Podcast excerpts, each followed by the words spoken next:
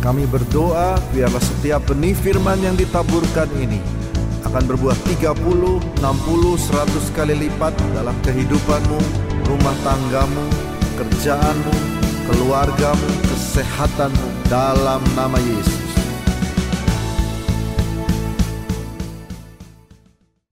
Mari saya akan eh, mengajak saudara untuk melihat satu kebenaran firman Tuhan di dalam Yakobus pasal yang kelima ayat 15 sampai dengan ayat yang ke-18. Kalau saudara mau baca bersama-sama dengan saya, silahkan ya. Dalam 25 menit ke depan kita juga akan melihat kebenaran firman Tuhan. Yakobus 5 ayatnya yang ke-15 sampai dengan ayat ke-18. Siap semua? Satu, dua, dan tiga. Dan doa yang lahir dari iman akan menyelamatkan orang sakit itu dan Tuhan akan membangunkan dia. Dan jika ia telah berbuat dosa, maka dosanya itu akan diampuni. Karena itu hendaklah kamu saling mengaku dosamu dan saling mendoakan supaya kamu sembuh.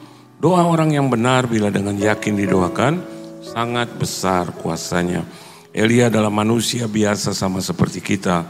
Dan ia telah bersungguh-sungguh berdoa supaya hujan jangan turun dan hujan pun tidak turun di bumi selama tiga tahun dan enam bulan.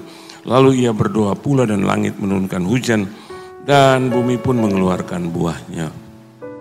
Kalau Anda tanya kepada saya, Pak, apa yang harus saya lakukan untuk diberkati oleh Tuhan? Saya akan jawab dengan satu kata kerja, doa. Kalau Anda bertanya kepada saya, Pak bagaimana saya bisa disembuhkan oleh Tuhan? Maka jawabannya tetap sama tidak berubah. Doa. Kalau Anda bertanya, Pak bagaimana untuk membayar hutang-hutang saya dan kebutuhan keperluan saya? Maka jawabannya juga tidak berdoa, tidak berubah. Doa. Dan I've been praying for apa ya? For a long long time. Sampai hari ini saya tetap ada dalam posisi atau pekerjaan seperti itu. Dan saya harus mengakui uh, tidak dengan rasa sombong begitu. Semuanya memang karena Tuhan. Saya harus bilang, harus bilang dengan jujur saya bilang. Hampir, hampir gitu, hampir Pak. Hampir tidak ada doa saya yang tidak dijawab oleh Tuhan.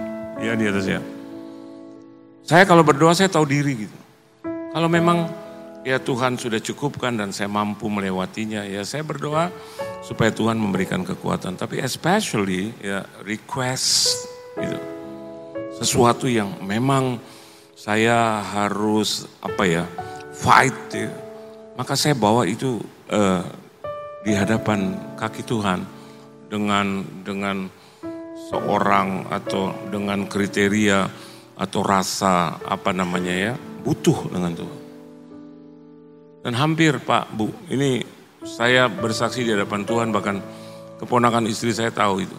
Bahkan adik saya juga tahu itu adik kandung saya. Tahu, istri saya, dua anak saya tahu. Wah kalau papa udah berdoa bukan, it doesn't mean bahwa saya tuh uh, sudah sempurna, enggak. But I know for sure. Mama saya ajar kepada saya, kamu tuh jangan cuma mau enak. Halo. One, two, three dapat, one, two, three dapat. Itu bukan Kristen yang benar. Kristen yang benar adalah pejuang. Amin, saudara. Adalah orang-orang fighter sejati.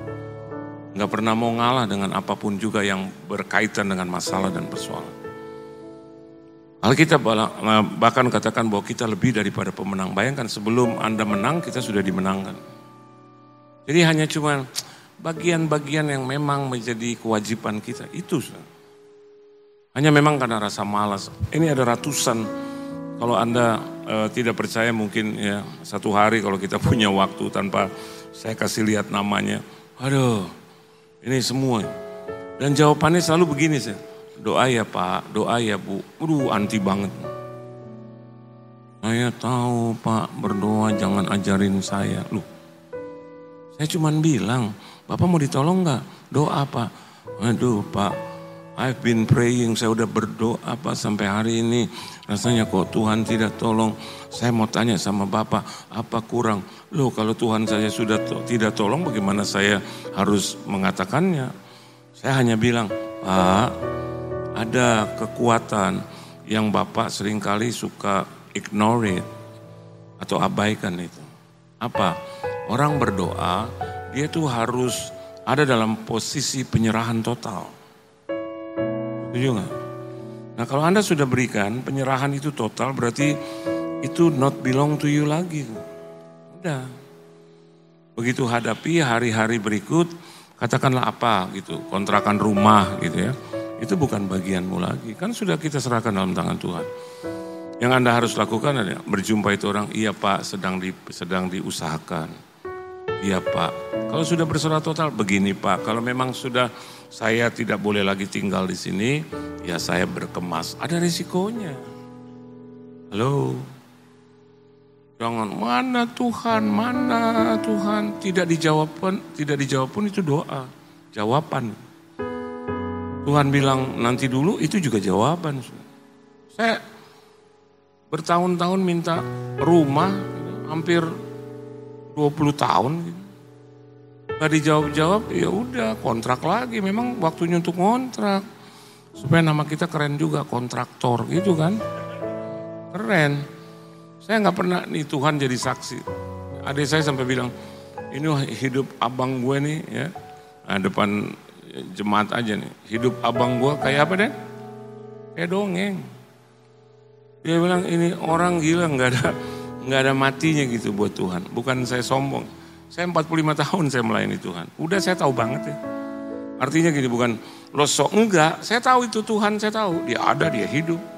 Dia mendampingi kita, dia berjuang buat kita, dia mati, dia bangkit buat kita. Itu saya tahunya itu. Pokoknya ada apa-apa saya udah pasti dia tolong. Kalau nggak ditolong Pak, iya kalau tidak ditolong sekalipun pasti dia tolong. Bingung kan orang dengar itu? Maksudnya Pak, Pak Pendeta sekali lagi, meskipun saya tidak ditolong Tuhan, pasti saya ditolong Tuhan. Ya gitu. Bapak ini muter-muter, enggak muter. Pokoknya enggak ada peluang aja untuk jawaban tidak ditolong Tuhan. Benar, nyawa aja dia beri buat kita, betul nggak? Ya, kalau hanya cuma cetiau, notiau, botiau, ya nggak? Hanya cuman apa jodoh, banyak saudara jodoh di mana-mana banyak, banyak. Cuman memang belum di, dijaring aja gitu. Belum ketangkep aja gitu. Karena apa? Menyatukan persepsi itu yang sulit. Tuhan sediakan yang sudah 165, Anda maunya 178. Itu kan persepsi beda. Tuhan eh, berikan Anda cowok yang naik sepeda motor tapi takut akan Tuhan. Anda maunya yang naik mobil makanannya daging biarpun di luar Tuhan. Daging maksud saya jaguar, ya kan? Terus apa namanya yang yang apa namanya yang yang kelihatannya hebat-hebat aja. Saya mau katakan itu yang sulit. Anda maunya ganteng, cakep, keren, punya perusahaan, sayang istri, sayang 12 keluarga kita. Itu kan ini aja sama Tuhan penyerahan total. Saya tahu yang datangnya daripadamu. Baru bilang kalau boleh 178 Tuhan. Tapi kalau memang kau bilang 160 ya apa boleh baut Tuhan gitu ya. Tapi kalau memang dia masih kontrak, istri saya tuh eh, kakaknya jenderal saya bawa kontrak puluhan tahun saya bawa kos. Oke-oke aja. Dia bilang I love you so much. Saya jawab, I love you juga so much. Mama saya bilang, ini baru istri yang keren. Kau tanya Tuhan, Tuhan bilang sama mama, ini yang kau harus nikahi. Saya nikahi. Saya tanya kenapa dia harus pilihan mama, pilihan Tuhan. Karena lo susah, miskin, gak punya apa-apa, dia mau. Apalagi nanti kau diberkati. Dia bilang sama istri saya, kau dampingi anak saya, satu saat dia akan diberkati. Istri saya gitu. Walaupun terus ada tetesan air mata. Saya kalau tidur sama dia, dia cuma bisikan kata, I love you pak. Tapi ingat, jangan main serong. Gue gantung loh, tau gak? Jadi kalau kita mematuhi apa yang patron Tuhan berikan, beres. Halo, halo. Dari dompet robek berubah menjadi dompet yang penuh dengan berkat. Dompet saya dulu robek, saudara. Kenapa? Memang kantongnya Gak punya apa-apa gitu. Cuman punya KTP. Sama kartu nama yang banyak. Saya pikir saya bisa kerja sini, kerja situ. Ternyata nggak ada satupun. Saya bikin apa lamaran pernah sampai 70, 80, satu pun nggak diterima. Kenapa? Nggak ada satu lamaran pun yang menyatakan ya, eh, saudara yang baik, biarkan saya bekerja menjadi karyawanmu. Dan saya masukkan ke dalam kotak pos dan saya tulis alamatnya gitu. Bapak di sorga. Ada. Semuanya minta, aduh ada ada. Saya mau acting Tuhan, acting. Saya mau jadi kontraktor Tuhan. Enggak ada yang masuk. Enggak ada yang masuk. Karena Tuhan bilang begini, aku sedang mempersiapkan engkau. Nanti kau hanya cuma jalan keliling-keliling, sekalian jalan-jalan. Jalan dari satu gereja, tempat persekutuan, nanti jalan-jalan juga benar, kau bisa nikmati. Contoh, Tuhan saya mau ke Bali, Tuhan bilang nanti pekerjaan itu juga nyangkut di Bali. Saya Tuhan mau ke Jogja, oh nanti juga sekalian. Padahal kalau saya kerja di bagian itu yang Tuhan gak suka, Ya Tuhan bilang nggak sesuai dengan rencana.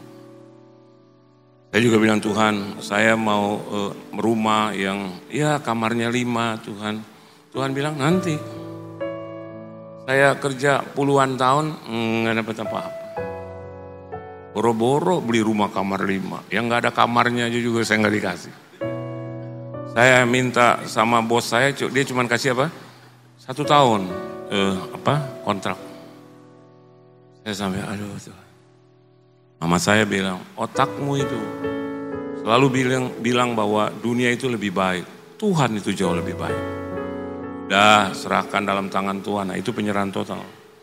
Begitu saya masukkan semua, saya bilang, aku berserah. Mau jadi apa kayak terserah Tuhan. Ah Tuhan di atas. Yang begini yang gue demen. Wah dia olah sedemikian rupa. Sehingga akhirnya sampai hari ini. Saya juga harus bersaksi, ya, nggak boleh berbohong. Cukup dalam segala hal. Sakit-sakit dikit, pilek, sembuh. Panas-panas dingin, sembuh. Apalagi demam, ya sakit kepala. Mereka tahu, empat hari saya demam, sakit kepala. Terus mereka bilang, Ade masih sakit, masih. Pilek masih, mampet masih. Tapi Tuhan gak akan biarkan mampet selamanya. Got aja kalau mampet selamanya sudah itu merusak kita punya rumah. Betul nggak? Apalagi kita adalah rumahnya Tuhan. Waduh, satu malam habis uh, minum obat, saya tiduran, bangun pagi-pagi, itu uh, sakit kepala hilang, bukan kepalanya hilang, sakitnya hilang. Terus saya punya uh, uh, nafas oke, okay. saya lihat cuman bindeng aja sedikit. Udah, go. Ke mana? Biasa. Ke mana Tuhan? Ini. Apa namanya? si jantung. Saya nggak boleh ke mana-mana si jantung, walaupun ini eh, tiba-tiba jadwalnya. Saya harus ada di satu gereja empat kali saya ibadah. Tiba-tiba dia bilang, aduh Ibu Sri, maaf. Aduh saya nggak catat Bu, terjadi pemindahan itu Bu. Aduh ampun Bu, Bu ampun, ampun Bu. Ampun, salah, salah, siap salah. Jadi bagaimana siap salah gitu? Bu, saya kirim ke Bapak saya yang di Surabaya ya, siapanya yang dikirim? Pak Johan. Emang gua paket apa? Enggak bu untuk untuk di gereja sana. Dapat. Dua jadwal sore jam 5 jam 7. Saya pindahkan, saya punya penerbangan. Harusnya pagi-pagi. Jadi saya bilang udah jam 1 aja saya terbang. Gak ada kabar. Gak ada kabar. Ya udah akhirnya istri saya dengan penyerahan total itu Tuhan bilang kasih nama Albert. Albert itu tanpa T tapi D. Albert gitu, Albert.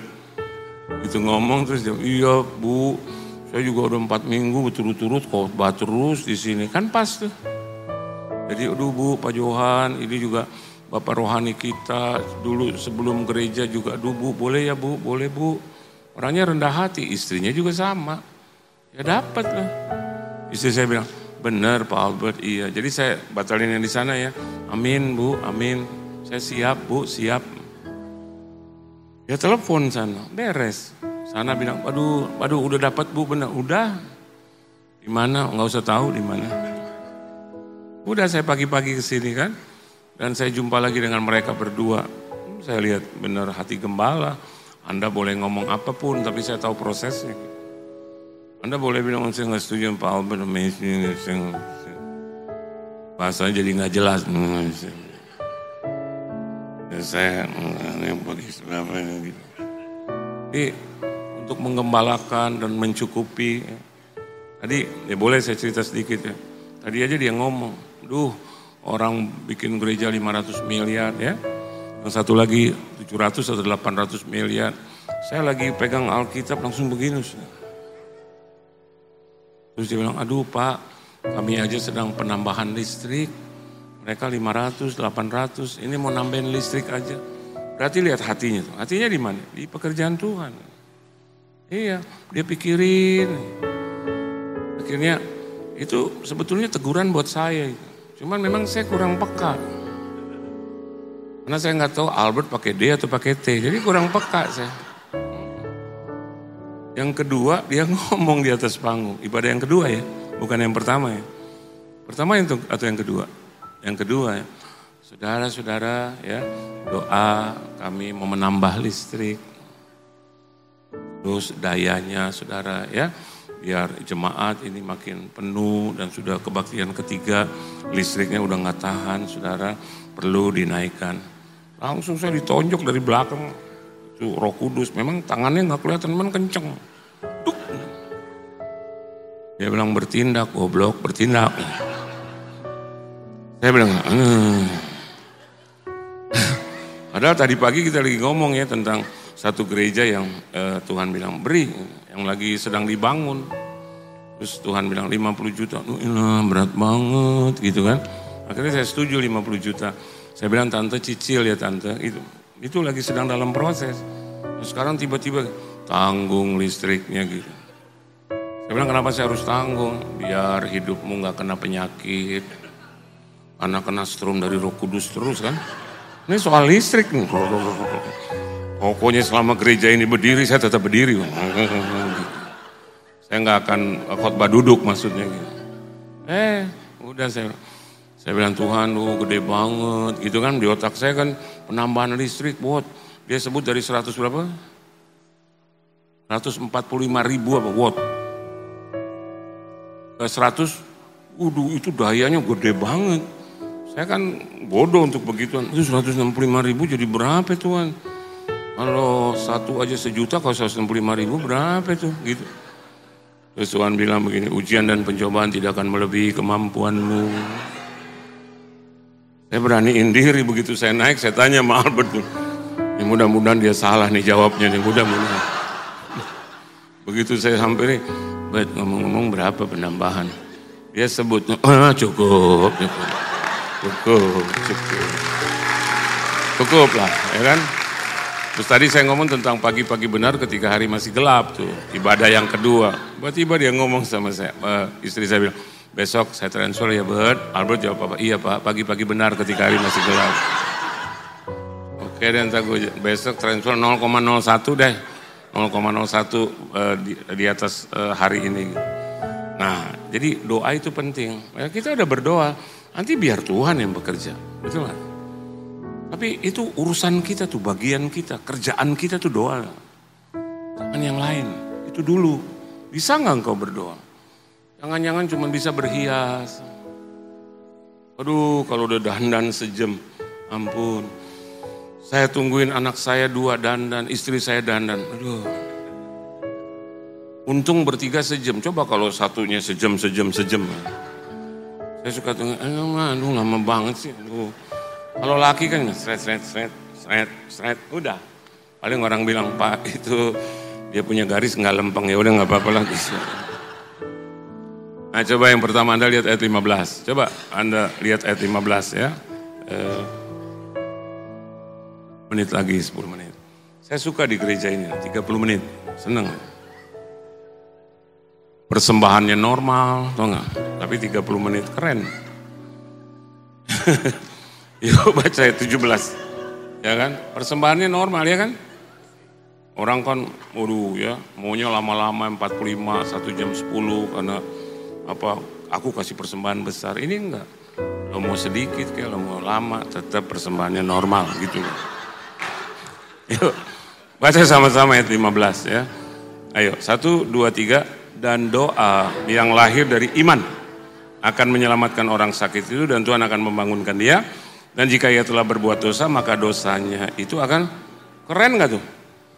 Hubungannya bahkan sampai soal keselamatan, soal sakit, dibangunkan, disembuhkan, bahkan dosa-dosanya diampuni. Itu efektivitas daripada doa itu sendiri. Memang dalam bahasa Inggris dikatakan uh, is an effective and powerful doa sampai begitu is an effective and powerful.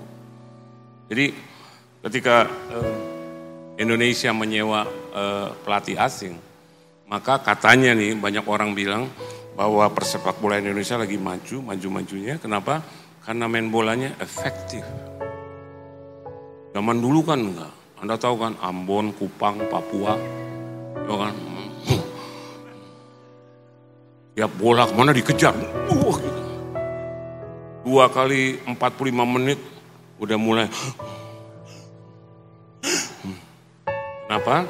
Begitu lawan tim yang efektif, kita kalah. Bisa 5-0, 6-0. Jadi kalau ada bola dia cuma gerakan begitu aja. Sedangkan pemain kita tuh maunya tenaga aja gitu. Padahal tenaga itu bisa cepat hilang. Tapi dia main bola efektif. Pakai apa? Hmm. Halo. Kalau Anda juga ingin memenangkan persoalan hidup, pakai apa? Hmm. Nah, di dalam ini harus punya dasar. Dasarnya adalah apa? Iman.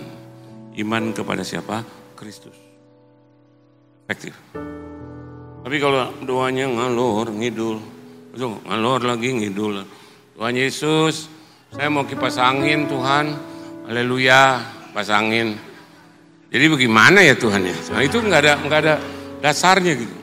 Hmm, kipas angin sekarang udah mahal loh Tuhan. Hmm, yang kecil apa yang gede ya Tuhan? Nggak efektif. Harus dong efektif. Tuhan efektif. Tuhan, saya mau kipas angin. Dan saya tahu, saya punya dasar. Dasarnya adalah Kristus. Saya beriman kepada. Bagaimana Anda mau beli kipas angin? Listriknya aja nggak ada. Dasarnya dari mana? Saya dari dulu bilang, Tuhan berikan saya mobil, berikan saya mobil. Waduh bertahun-tahun, 10 tahun nggak dapat mobil. Kenapa? Tuhan bilang, pakai otak. Rumah lo aja ngekos. Terus di dalam gang, gue mau kasih lo mobil. Hmm. Hari kedua, udah copot itu spion. Belum dia punya spakboard, hilang lagi. Jadi kerjaan, lo nggak punya dasar untuk itu. Yang benar begini, jangan lo minta mobil. Lo minta rumah kontrakan. Baru saya bilang, saya dulu bilang, Tuhan dari kos e, punya rumah sendiri, Tuhan bilang itu nggak ada proses nggak ada dasarnya tolol. Mulai dari apa? Dari kos ke kontrak. Supaya kau belajar lagi. Saya bilang, Tuhan berikan saya rumah kontrakan. Dua kamar. Nah itu oke. Okay. Jangan bilang Tuhan berikan delapan kamar. Enamnya mau ke mana? Siapa yang mau isi? Hah? Semua itu tuyul-tuyul dan malam cek cek cek cek. Ya. Jadi serem, jadi serem. Kita efektif aja. Orang kita saya cuma istri satu, saya satu plus anak satu, udah. Jadi kamar dua aja. Halo, kayak rakus banget gitu. Saya bilang iya Tuhan. Nah saya bicara Tuhan, kalau boleh Tuhan, layananku engkau perlebar, nah, Tuhan itu yang bagus. Jadi doa itu efektif, jangan yang aneh-aneh. Tuhan saya berdoa untuk suamiku. Keren kan tuh? Biar dia bertobat dan mengenal engkau lebih. Dan aku akan mendukung dia. Efektif. Tapi kalau Anda bilang, Tuhan, suamiku nggak tahu diri. Malaikat baru mau angkat itu doa. Ini kok jadi begini? Berdoa buat suami, eh, suami terus bilang nggak tahu diri. Itu kan jadi apa? Gamang gitu. Lo berdoa supaya suami lu berubah, tapi lo bilang nggak tahu diri. Harusnya gitu. Tuhan, I love him so much. Rubah dia. Apa pun yang terjadi, he's still my husband. Nah, baru efektif. Kayaknya itu ada. Kuntilanak itu tuh. Aku usir, tekan, tolak, keluar dalam nama Tuhan Yesus. Itu efektif. Dan kalau dia datang ke sini Tuhan, aku sambut dia dengan cinta. Itu efektif. Satu sisi ada kuntilanak Tuhan. Tolong kirim Tuhan, pembasmi-pembasmi kuntilanak Tuhan. Dan biarlah Tuhan mereka pada berantem dan kalau suami saya berbuat lagi saya usir dia keluar. Efektif. Begitu kau usir keluar, tiba-tiba dua hari kau nggak punya pekerjaan. Suamimu itu tetap di dalam dosanya, engkau juga kehilangan potensi, efektif. Kau bilang, kau adalah Tuhan yang hebat, rubah dia. Dan aku akan berdoa buat dia sampai kapan pun. Itu mama saya.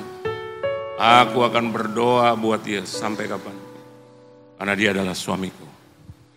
Dan biar engkau yang robah karena engkau adalah penciptanya. Berubah. Dua tahun sebelum meninggal, berubah.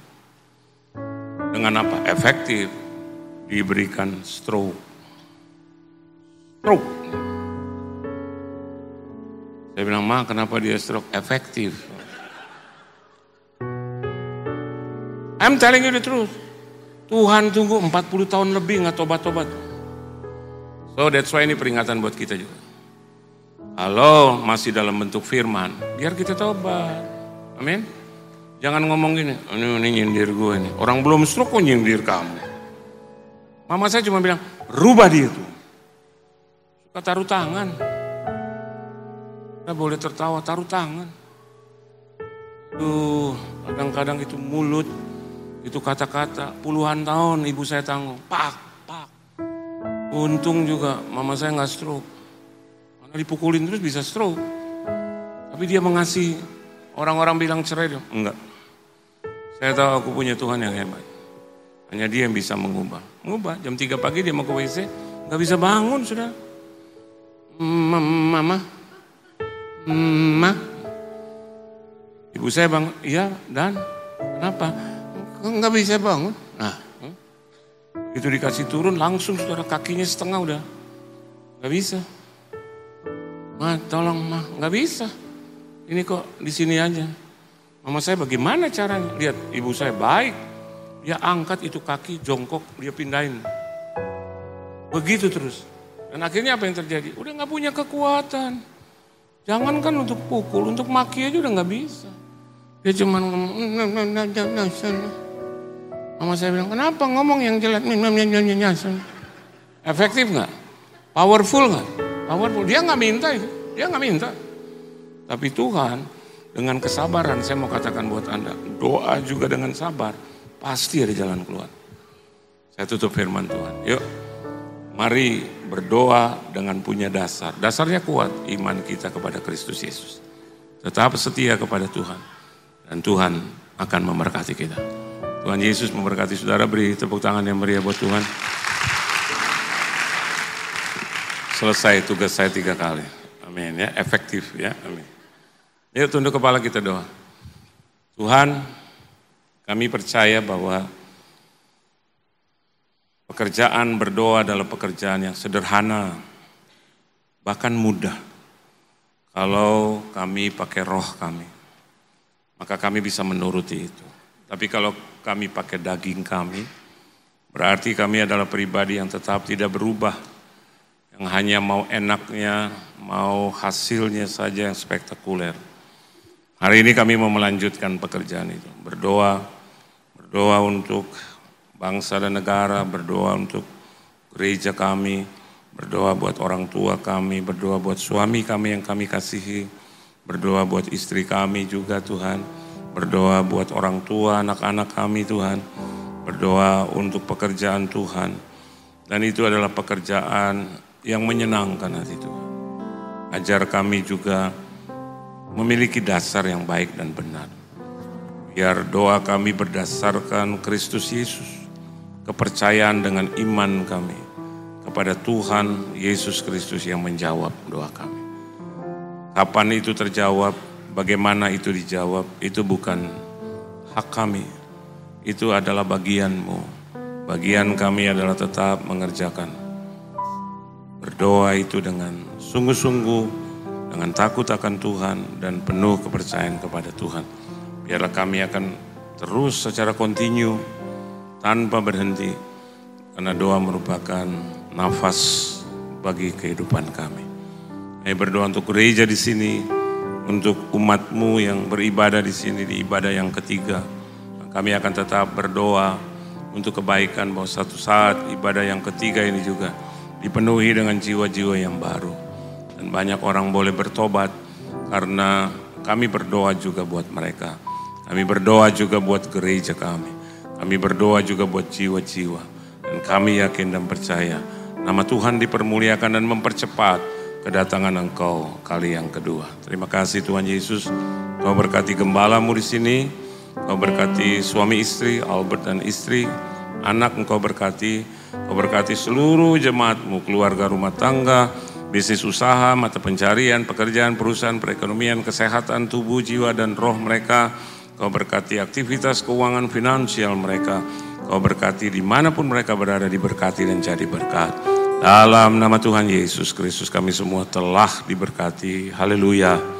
Amin. Tuhan Yesus memberkati saudara.